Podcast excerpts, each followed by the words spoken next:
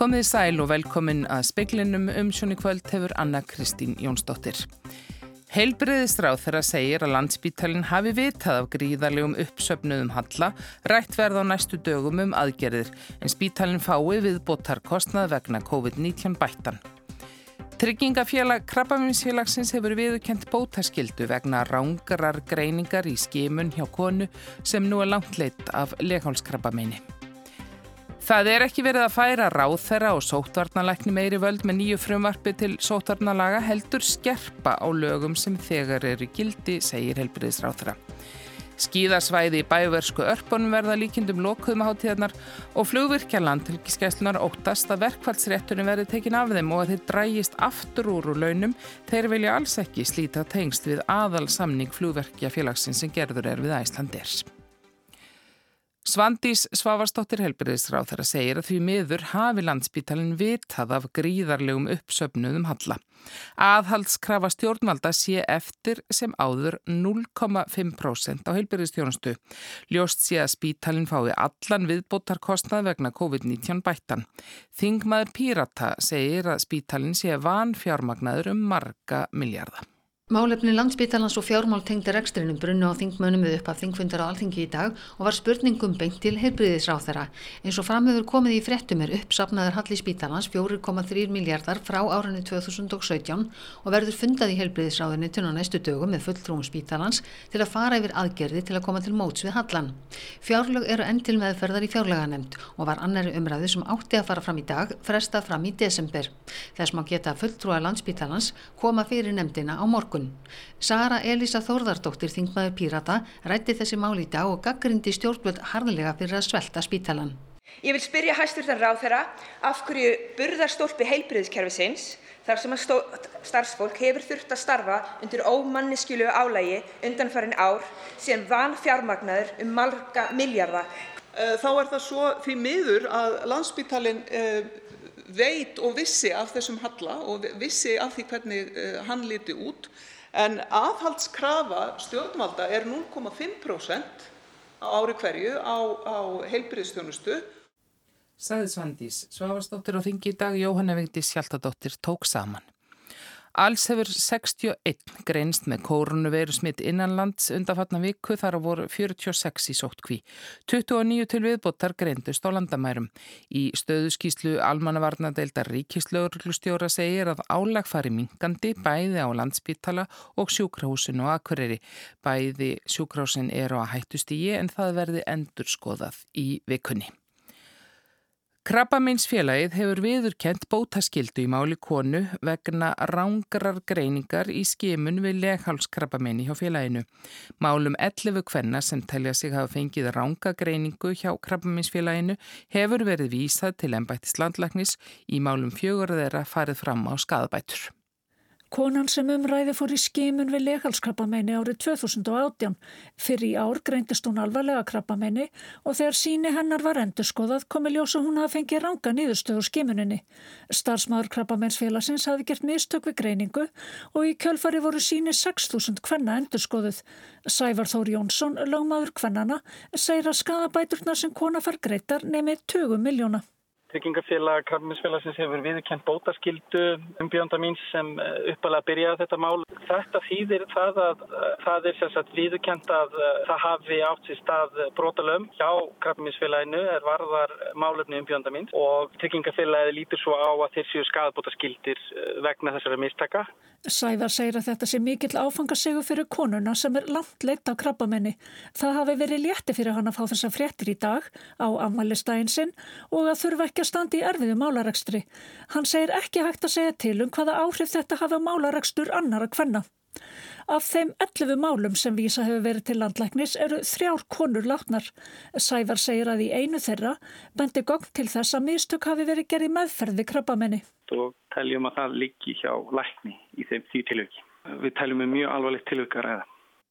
Sæði Sævar Þóri Jónsson, Anna Lilja Þóristóttir tók saman. Nýju frumvarpi til sóttvarnalaga sem Svandís Svavastóttir heilbyrðisráþara hefur lagt fram á alþingi er ætlað að skýra hvaða merkingu stjórnvöld leggja í einstaka aðgerðir. Til dæmis er það fjallað um útgöngubann, einangrun og sóttkví. Frumvarpið hefur verið afgreitt úr ríkistjórn og þingflokkum stjórnvarnar. Eh, að við séum að hveða skýrt á um það hvaða merkingu við leggjum í eh, einstakar aðgerðir eh, þó að lagastóðin í raun og veru hafi verið skýr og, og óumdeild að þá bendir Pál Hreinsson á þetta að, að það sé rétt að, að bæta þetta í lögunu. Ég held að engum hafi dottuð í hug þegar lögin voru sett á sínum tíma að við ættum eftir að standa í svona löngum og, og yfirgrifsmiklum faraldri. Ég er að þínum að þetta ekki með þessu frumarkni verið að færa ómikil völd á einn ráð þeirra og einn sótvartalækni. Eh, ekki með þessu frumvarpi. Það, það er í raun og veru þannig núna að, að sóttarnalegnir hefur mjög ríkar skildur uh, að því er varðar það að fylgjast með og meta útbreyslu faradurs og hann hefur líka mjög ríkar skildur til þess að leggja til við heilbreyðsáþur á hverjum tíma tilteknar aðgerðir. Uh, og við veitum það þegar um er að ræða faraldur hvort sem hann er að þessari stærðagráði eða einhverju annari að, að það þarf að grýpa oft mjög rætt til rástafana saði Svandís Svavastóttir. Landsamband slökkviliðs og sjúkraflutningamanna skorar á samninganemnd ríkisins að hún semji við flugverkja landhelgiskeslunar. Svo staða sem blasi við að yngar björgunar þyrlur verði tiltækar hér á landi í vikunni skapi mikla hættu. Fari svo sé helsu fólks stemt í voða. Því sem mikilvægt að samninganemnd ríkisins leiti allra leiða til að semja við flugverkja. Sjómanafélag Íslands félag vélstjóra og málmtæknimanna sem og sjómanna og vélstjóra félag Grindavíkur hafa líka líst áhyggjum af því að öryggi sjófarenda og landsmanna sé stemt í voða. Lýsa félagin fullum stuðningi við flugverkja. Dómsmál ráþara segir að staðan í málun sé grafa alvarleg en ekki tímambært að setja lög á verkvall. Frekar verður fjallað um þetta síðar í speklinum. Skíðasvæði bæversku öllbónum verða líkindum lokuðum jól og áramót. Markus Söder, forsættistar á þeirra bæjarlands, greindi frá því í dag að hann áformaði að hafa lokað til að koma í vekk fyrir útbreyslu COVID-19. Hann skoraði jafnframt á leðtóa Evropuríkja að þeir fylgdu fordæmi hans til að annað yskl endur tæki sér ekki. Þjóðverjar berjast um þessar mundir við útbreyslu koronaveirunar og verður lít ágengt. Að sogn Markusar Söders þarf að greipa til ennur rótækari aðgerða en gert hefur verið til að árangur náist. Angela Merkel kanslari áformar einmitt að halda fjarfund með forsætisráðhærum Þísku sambandsríkjana á morgun og ræða hvað skuli taka til braðs til að bæta ástandið í annari bylgju farsóttarinnar. Skíðasvæðin í bæjaralandi fyllast jafnan af fólki um hátíðarnar, þjóðverjum jæmt sem erlendu ferðafólki. Markus Söder bendir á að farið þjóðverjar í staðin á skíðasvæði í Östuríki þurfið er að fara í tíu daga sótt kví við heimkomuna þar sem Östuríki sé skilgreynt hættusvæði með tilliti til útbreðslu veirunar. Þar á leiðandi verðið að grípa til samaræmda aðgerða og loka skíðasvæðunum til að koma í veg fyrir annað iskl eins og Söder komst að orði. Ásker Tómasson saði frá. Það hefur verið mikið að gera í verslunum víða um landenda tilbúðsvika kent við svartan föstudagan á hámarki. Við húsgagnahöllina var komin röð fyrir utan áðanum búðin var opnuð í morgun. Hulda Rós Hákonadóttir einneiganda segir það sé vissulega áskorun að taka múti mörgum í samkomi takmörgunum. Við undirbúum okkur rosalega vel fyrir þessa viku, bara í ljósi hvernig staðin er búin að vera hérna áður. Þannig að við erum bara vel mönnuð og allir hérna áfullu, en erum við náttúrulega bara með held í besta starfsfólk í, hérna í heimi, finnst mér allavega. Allir hérna tilbúin að vinna á milli hérna eins og vindurinn.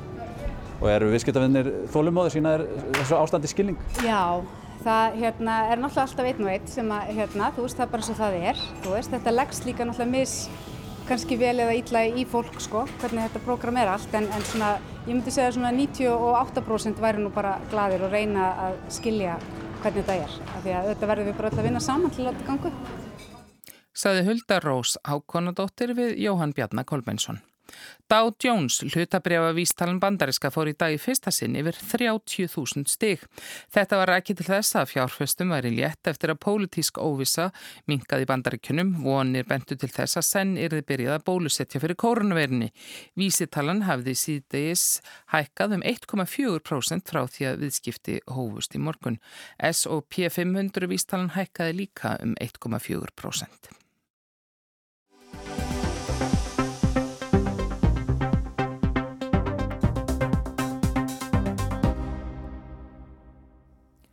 Flugvirkjar landhelgiskeslunar leggjast eindreið gegn því að slitið verða tengsl samningsteirra við aðal samning flugvirkjafélagsins við Æslandir. Þeir óttast meðal annars að verkvalls verði tekin af þeim og að þeir drægist aftur úr í launum. Á miðnætti aðfarnótt 15 dags verður landhelgiskeslan ekki með neina tiltaka þyrlu í að mistakosti tvo daga. Eina þyrlan sem hefur verið til tags frá því að verkvallið hóst þarf að fara í lögbundi viðhald sem tekur að mistakosti tvo daga.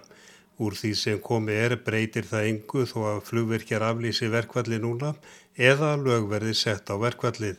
Landhelgiskeslan verður alltaf án þyrlu í einhverja daga nema að hún leiti út fyrir landsteinana. Gæslan er með þrjár þyrlur TF Líf, Gró og Eyr. Hvorki lífinni Eyr hafa verið hreyðar frá því að verkvallið hósta á minnati 15. óumber. Líf hefur verið í langtíma viðhaldi. Hún mun reyndar ekki sinna fleiri verkefnum fyrir gæsluna því ákveðu verið að selja hana til útlanda. Tilstendur að leia aðra þyrlu TF Gná í janúar sem á að komi stað TF Líf. TF Eir var komni viðhald þegar verkvallið skall á og þess vegna hefur ekki verið unni við það. Flugvirkjar sem er í verkvalli hefði átt að sinna því. Hún er því búin að vera óhreyfði í nokkur tíma og það fer ekki vel með þyrlur vegna þess mun viðhaldið taka lengri tíma en ella og ekki búist við að Eir komist í lofti fyrir en um jólinn þó að kjaradeilan leistist á næstu dögum. Frá því að verkvallið hóst hefur TF Gró synd verkefnum landhelgiskeslunar. Hún þarf að fara í viðhald sem hefst á miðnætti aðfarn og 20 dags. Sigmenn sem eru jafnframtöf flugverkjar geta synd þessu viðhaldi og munu gera það. Þeir eru í félagi flugverkja en eru undanþegni verkvalli vegna þess að þeir teljast hluti af áhöfnu þyrlana. Í verkvalli sinna þeir því neyðarþjónustum. Átta sigmenn starfa hjá landhelgiskeslunin. Kjarasamningur flugverkja hjá gæslunni rann út um síðustu áramót og viðraður hafa staðið yfir frá því í februar. Mikill meiri hluti í flugverkja landilgiskeslunar samþeitt að búa til verkvals 15. november. 16 af 18 flugverkjum með gæslunar tóku þátt, 14 sögðu já og 2 tóku ekki afstöðum. En um hvað snýst deilan í stuttumálum að flugverkjar eru ósáttur að klift verði á tengsle kjarasamnings flugverkja hjá landhelgiskjæstunni við aðal kjarasamning flugverkjafélagsins við SA og Æslandir. Í samningum gæslumann hefur ávalt verið ákvæðum þessi tengsl. Í kjarasamningi frá 2005 fjallar fyrsta greinu samningsins um þetta og þar segir Á meðan kjærasamningur um flugverkjafélags Íslands og samtaka aturlífsins og ETS eða Æslandir frá 9. nógumber er gildi ferum kaup fyrir flugverkja hjá landilgirsjæslu Íslands sangvænt honum að öðru leiti en í samningi þessum greinir tilvitnu líkur. Guðmundur Úlfur Jónsson, formadur flugverkjafélags Íslands, segir að flugverkjar séu verulega ósáttur við að skori verða á þessi tengsl Hann segir að þessi almenni kjærasamningur sé sá samningur sem flugvirkjarstörf á Íslandi byggja á og nær allir flugvirkjar á Íslandi fylgi þeim samningi. Hann er ekki sáttur við þann samning sem ríkið býður upp á. Eh, aðal kjærasamningur flugvirkjarfélagsins er, er sérsniðin að störum flugvirkja og hann hefur þróast í, í 50 ár með störum flugvirkja hér á Íslandi og samningur sem liggur á borðinu á hálfur ríkisins er, er ekki slíku samningur. Hann er Hann byggir ekki á sömu ákvaðum og greinum eins og við þurfum í okkar umhverju. Guðmundur Úlfur sér að máli stúist um að byggja upp í kjærasamning utan um atvinni umhverfi flugverkja sem starfa hjá landhelgiskesslunni. Það gerir samningur sem ríki bjóði upp á ekki. Sankvæmt öðrum heimildum speir sinns tryggir tengingin við aðal samningin að launathróun flugverkja hjá landhelgiskesslunni sé takt við launathróun flugverkja hjá Æslander ríkið hafi gefið vilirði um að svo verði áfram. En óttast flugverkjar að launathróunni verði ekki í þessum takti verði tilbóð ríkisins samþygt. Jú, það er alveg viðbúið að það geti gerst og lagi vegna þess að flugverkjar landriðskjöldnum starfa náttúrulega í þannig umhverju að þeir þurfa að sinna björgunarverkefnum og eru undaskildir verkvals heimild og þar að leiðandi hafa þær, hafa þær takmarkaðir rétt til þess að sækja sín launakjör heldur en aðrir á almennu markaði og þess vegna er þessi tenging til komin þannig að þeir fylgi, fylgi því sem er í gangi hjá starfsbræður sínum annar staðar. Guðmundur segir að flugverkjar hjá gæslunum muni búa við mikla óvissu ef tengingin við almenna kjærasamingin verið tekin í burtu. En óttast uh, flugverkjar hjá gæslunum að verkvælsrétturinn verið tekin af þeim. Það er alltaf hægt á því og þeir eru átta af þeim átjón sem starfa hjá, hjá landinskjallunni ekki með verkvælsrétt og, og það getur alltaf gerst að það verið sett einhver, einhver svona skýrari lagarami yfir þá sem að starfa þar og, og þá, þá er hætt við að þeir drægist aftur úr þegar framlega stundir. Það hefur verið bent á að flugverkjar séu ósáttur við að verða af rétti til að fljúa á sagaklast þegar þeir fara til útlanda á vegu landtilgisjæslunar. Hvið er á um þetta í almenna samningnum? Guðmundur segir að deilan snúist ekki um þetta atriði. Þetta er ekki stórt mál í okkar augum. Þessir miðar hafa stundu verið nýttir á flugurreikundum sem að þurfa að senda flugurka í, í björgunarverkefni Erlendis til að sækja beilaða flugular og koma þeim heim. Þá er þetta gert sérstaklega til þess að að reyna að koma flugurkjum sem best nærðum og kvildum á áfangastað til þess að þeir geti unnið sína vinnu þegar þeir lenda. Uh, Gæslan hefur í undatekningatilökum nýtt sér þennan kost. Dómsmálar á þeirra hefur viðrað hugmyndur um að lög verði sett á deiluna. Máli var rætt á ríkisjónafundi í morgun. Afstæða stjórnvald er að tryggja verði öryggislutverk landelgiskjæslunar. Eins og áður saði dugir lagasetting nú ekki til að tryggja þyrla verið til dags því eina þyrlan sem hefur verið mönnuð fyrir viðhald á morgun. En hver er afstæða flugvirkja til þess að lög verði sett á deiluna?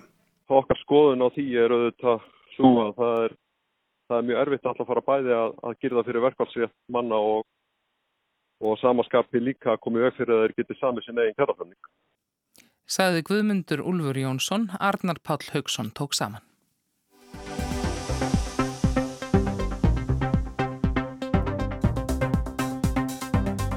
Umsjónamaður sanginnisbóta sem greitar hafa verið um 1200 manns vegna þess hvernig fari var með þá sem börn á heimilum og vegum hins ofinbera. Tilur að endur skoða þurfi lögum bæturnar og horfa til þess að fólk sem var vistað á heimilum á borði Arnarholt réði fæstum tilvikum sínum dvalastað þó að það væri orðið fullorðið. Fyrir 50 árum lístu starfsmenna í Arnarholti á kjálnesi íldri meðferð sem vistmenn þar sættu. Þeir hefðu á stundum verið látni vera lengi í einang einangrun í litlum klefa, sellu sem svo var kölluð, þeim hefði verið refsað með því að fengu ekki að borða og læstir út í öllum veðrum svo nokkuð sín nefnt. Vitnaleðslutnar voru byrta nýlega. Geðhjálp og landsamtökinn Þroskahjálp hafa farið fram á alþingi, láti gera rannsókn á aðbúnaði fatlaðs fólks og fólks með geðrænan vanda síðastlein 80 ár. Arnarholt var opnað árið 1945, þá kallað þurfamanna hæli. Þar voru þegar leið á síðustu öldmenn með ímiskonar vanheilindi oftast geðræn. Fyrir um 13 árum komust málefni Breiðavíkur heimilisins í hámæli. Aðbúnaður og skjálfileg reynsla þeirra sem þar voru vistaðir á árum áður hreyfðiðu mörgum. Sérstakri rannsóknar nefnd sem oftast hefur verið kalluð vistheimila nefnd var falið að kanna starfsemi Breiðavíkur og fleiri stopnana þar sem börn voru vistuð. Fór svo að vistheimila nefndin skilað árun frá 2007 til 18 skýrslum um 11 stopnanir og annað þúsund fengu bæt bætur fyrir að hafa sætt vondri meðferð á heimilum eða stopnunum á vegum þess ofinbera þegar þau voru vistaðir þar sem börn. Haldur Þormar Haldursson er umsjónamaður sangirnisbóta hjá síslumanninum á Norðurlandi Eistra. Í rauninni þegar það farið þetta verkefni þá var ekkert vita hvað þetta eru margir og til dæmis bara unglingaheimili ríkisins voru hátt í 5.000 manns vistaðir frá því að heimili byrjaði og þetta starfsefnslaug. En það voru á endanum voru um 1200 manns sem fengur greita sangiðsbætur vegna þessar 11 stofnana.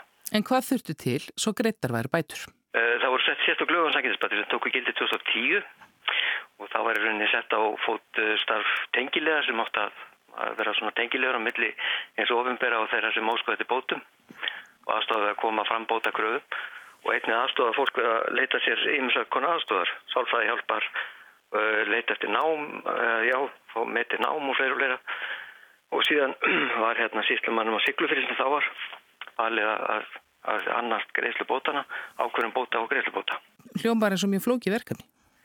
Já, það var það auðvitað á endanum. Þetta var mjög stórt verkefni og ekki síst vegna þess að það var svo óljóst hvaða eiriði mikið umfangi. Það sem að þurfti í lögum, samkvæmt lögum og sangiðspætur þurfti að vera baki könnun vistheimilanendar á starfsemi hvers heimilis fyrir sig. Það var í rauninni, þá voru til skýslur um hvert heimili sem að vistheimilanend höfðu kannaf eh, í öllum tilgunum einu. Og það var varandi landakostskóla og var, því var rauninni breytt með bráðabir ákveði í lögunum. Það mætti í rauninni víkja frá þeirri reglu að konu vistimann nefndalagi fyrir. Þess að lág fyrir uh, skýrslaðum starfsfélagstafsum skólans af annan nefnd sem að Káska kirkjan óskaði eftir sín tímur í skipuð. Þessar bætur sem voru greitar og sem nefnum þess að tölur kannski eitthvað um 1200 manns held ég sem að þau fengi bætur. Þetta Já. er allt fólk sem var vistað á barsaldri á, á stofnun. Öllum tilum, já, á barsaldri. Miða við að hafi verið þar fyrir 18 ára aldur. Umræðin sem hefur vaknað núna í sambandi við Arnar Holt sem er svo sem sér ekki fyrir endan og hvernig hverja líktir verða í, í því máli, þar erum við kannski að tala um svolítið annan veruleika. Já, mér skilja, ég svo sem veit ekki mikið meira um máli heldur en bara svona hannmennur hérna, fjölmjöla neitlandi en eftir því sem hann skilst á var engum fullorði fólk þar, fólk sem var orðið, orðið sjálfraða.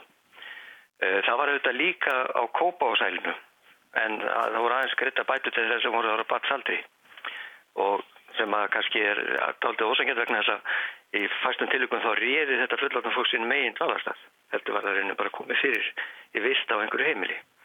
Og það verist svo sem hafa verið kannski aðarnavaldi án svo þó ég viti það nákvæmlega hvernig það var. En síðan í rauninni til þess að sé undað að greiða bætu til fólk sem var vist á einhverju stopna á fullóðsaldri að þá þarf í rauninni að breyta lögun og að mörgulegðið svona taka upp nýja hugsun í þessum málum. Sanginninsbætunar, af hverju var það hérna takmarka við, við, við þá sem hefði verið á barsaldri? Hver á hugsunin í því? Ég held að hugsunin hafi nú fyrst og næst verið svo að menn hafi kannski ekki eh, átt að sjá að það gæti verið fleiri stofnarnir heldur en bara stofnarnir þess að börn voru vistu. Vegna þess að breyðaukur heimili var auðvitað þannig og hinn eh, heimilin voru sjálfur sér fyrir börn og úlinga. Þannig að það var nú vantalega þannig sem lína var dreygin. Um, auðvitað fullotnir voru kannski ekki vistar á vistheimilum almennt vegna einhverja hegðun og vandamál eitthvað svo þetta er náttúrulega bara í fangjasum en hins vegar varðandi fatla fólk þá er það náttúrulega aldrei sérstaklega því að það ræður kannski ekki sínum dvalastað og ég hefast um að í rauninni þegar lögin voru sett að menn hafa reynilega átt að sjá því að svo stað getur uppi. Til þess að fara út í það þá þurft að breyta lögun eins og þið eru núna. Já, þá þarf að breyta lögun það er enda komið fram stjórnarfröðvarp sem að fjallanum breyting á lögum sangiðsbætu þar sem að gert er áfyrir að þurfi ekki lengur að vera til staðar skýrsla vist heimilanundar um stað sem heimilis og það sé fyrir uh, heimili þar sem voru vistu, vistu föllu börn önnur en kópa ásælið. Skiptir einhverju máli í þessu sam, samengi hvort það eru eins og þessu umræðin sem er núna eins og Arnarholt sem að var á vegum borgarinnar eða sveitarfélaga en ekki ríkisins. Hefur það skipt máli í þessu? Nei, það hefur henni ekki skipt máli og til dæmis Silungabollur uh, var ekki að Reykjavíkborg og minni Reykjali líka í Mósustall en, hérna, en það, það þarf ekki skipta máli, nei. En nú er verið að tala um rannsókn og ég vil mjög langt, tölvöld langt aftur í tíman. Hvað finnst þér sjálfum það? Hvað þarf að ganga langt til þess að fara af stað með einhverja, einhverja yfirbóti í formi greiðslanbóta? Sko þetta eru þetta mjög alvarlega ásakarnir sem að koma fram og ég veit ekkert um eðli þeirra öðruleitin sem ég bara heilt í fjölmjölum. en uh, það auðvitað kannski er alveg tilefni til þess að kannast það sem þessa heimilis og, og ég myndst þetta í kringum það en eins og það er kannski langt aftur í tíman er ekki endilega raunætt vegna þess að uh, mjög stór luti þeirra sem völdu heimilin er þá vantilega bara látnir og mjög erfitt að upplýsa um, um hvað, hvað gerðist eða hvað fór fram. Eh, í mörgu tilvægum náði rannsókn Vesturmannendar mjög langt aftur í tíman. Aftur til 1944 og var hann til heilteikliskólan um, 34 minnum mig. Og hérna það eru auðvitað ákveði vandamál eftir sem að lengra líður frá þá er erfiðar að upplýsa málinn eða fá í raunin einhverja skýra mynd af stöðunni. Og Haldur segir að bótagreðslur vegna vistheimilina snúistu meir en peninga. En það bæta peningar kannski ekki alltaf fyrir miskjörður og reynda sjálfnast auðvitað þegar það farið nema litlu leiti en það er já mörguleiti viðkenningin á því sem að fólk mátti verða fyrir og þóla. Sagði Haldur Þormar Haldursson.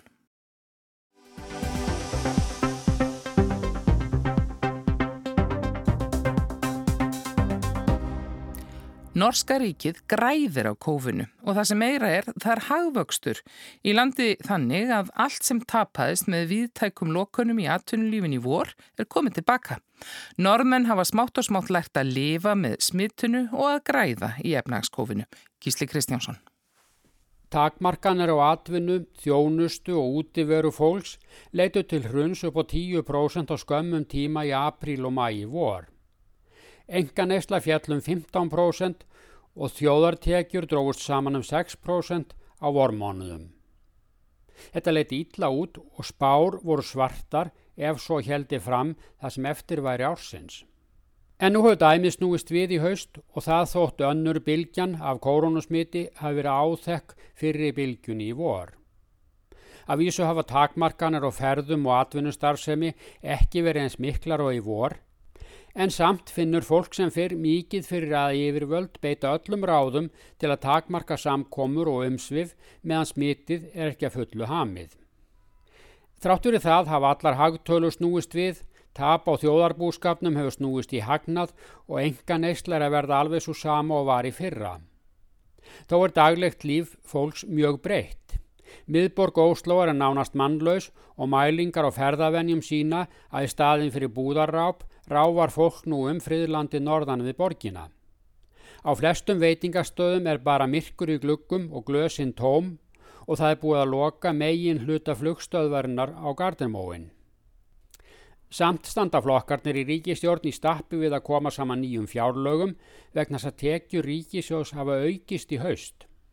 Lagt er til að nota minna af oljupenningum en var í góðærin í fyrra spara meira núna úr því að peningar streyma í ríkiskassan. Þá er deilt um hvort ekki að nota gróðan í kófinu til að lækka skatta, sérstaklega eignarskattin. En auðvitað spurt af hverju ríki sitji uppi með auknar tekjur og af hverju fjóla atvinnulífsins núist hraðar þótt sóttvarnarliðið reyni allt hvað aftekur til að standa á bremsunni og heimtar lokanir og takmarkanir. Mikilvægsta ástæðan er að enga neysla sem áður beindist til útlanda er nú bundin við heimamarkað. Það eru nánast engar utanlandsferðir og kaupmenn næri sænsku landamærunum dásaman úr hlutin sinn. Fólk kemst ekki til svíþjóðar í innkaupaferðir og það eigur innanlandsveltuna í Norgi um marga miljarda. Að auki eru möguleikar á fjárfestingum í húsnæði og annari eðslu við miðararhafið úr sögunu í bíli að minnstakosti. Í stað þess að kaupa íbúðir til vetrardvalar í sólalöndum eigst eftirspurnin eftir bústöðum á fjöllum heima í Noregi. Verktakar segist ekki ráða lengur við eftirspurnina. Það er grafið og byggt á fjöllum nótt sem nýtan dag og reyndar er vöxtur í allri byggingarstarfsum í landinu. En erlendir ferðamennur sjálfséður og hafa varla sérst frá því eftir jólinn. Fyrir COVID var ferðajöfnuðu norðmanna gagvart útlöndum næri því nulli. Það er að norst ferðafólk eitti álíka miklu í útlöndum og útlendingar eittu í Noregi. Þetta er mjög ólíkt því sem var á Íslandi. Peningar sem áður fóru með ferðafólki til útlanda eru nú í innanlandsneislu. Ríkisöðu nýtur þessa til dæmis í að tekjur af áfengisölu eru miklu meir en áður var og neislu skattar almennt meiri. Fólk kaupir húsgögn og hlutabref til að kaupa eitthvað. En þetta þýðir að peningarnir sem áður fóru í ferðamennsku utanlands fara ekki í ferðalög innanlands. Ferðarþjónustan tapar stórlega. Þannig er ljóst að ávöxtum af þessu góðari er miskipt. Veitingahúsin fá enga gesti og hótelherbyggin eru flest tóm. Flugfélagi Norvítsjan rampar á bar með gjaldtróts og atvinnuleysi hefur aukist verulega í þeim greinum sem sæta lókunum. Ástandið er því afbríðilegt nú í haust. Engin veit hvað gerist þegar hagkerfi kemur út úr efnagaskófinu og fólk tekur að flikjast bólusett til útlanda. Hættir að kaupa húsgögn og fjallakofa og tekur sér þessi stað stöðu í byðröðin í Sænska ríkinu í Strömstað. Þá þarf að vinda ofan af koronuhagkerfinu og þá fara menn að sakna góðu dagana þegar allir gengum með grímur og töluðu um smitt. Það verður fremur hæg norðanátt og dáli til jél norðan og austan til fram á nótt, lægir svo og léttir til og víða talsvert frost.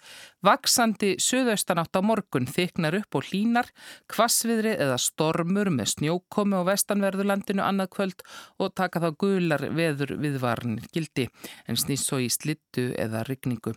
Hægara veður og úrkomu minna eistra. Fleiri er ekki speklinum í kvöld, tæknimaður var Ragnar Gunnarsson, veriði sæl.